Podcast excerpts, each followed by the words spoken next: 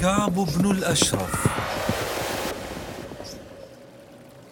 جرت سنة الله تعالى أن كل من تجرأ على النبي صلى الله عليه وسلم ناله من اللعنة والتحقير الكثير. والتحقير الكثير فلقد تولى الله سبحانه وتعالى الدفاع عن نبيه صلى الله عليه وسلم والذود عنه وانزال العقوبة بمن يتجرأ عليه في الدنيا والآخرة.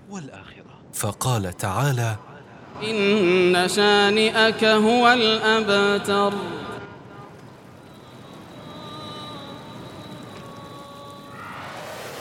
وسبب نزول سورة الكوثر ما روى ابن عباس رضي الله عنهما قال قدم كعب بن الأشرف مكة فقالت له قريش أنت سيدهم؟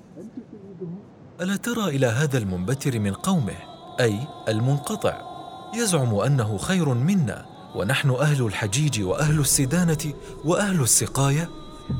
فقال أنتم خير منه. قال فنزلت إن شانئك هو الأبتر.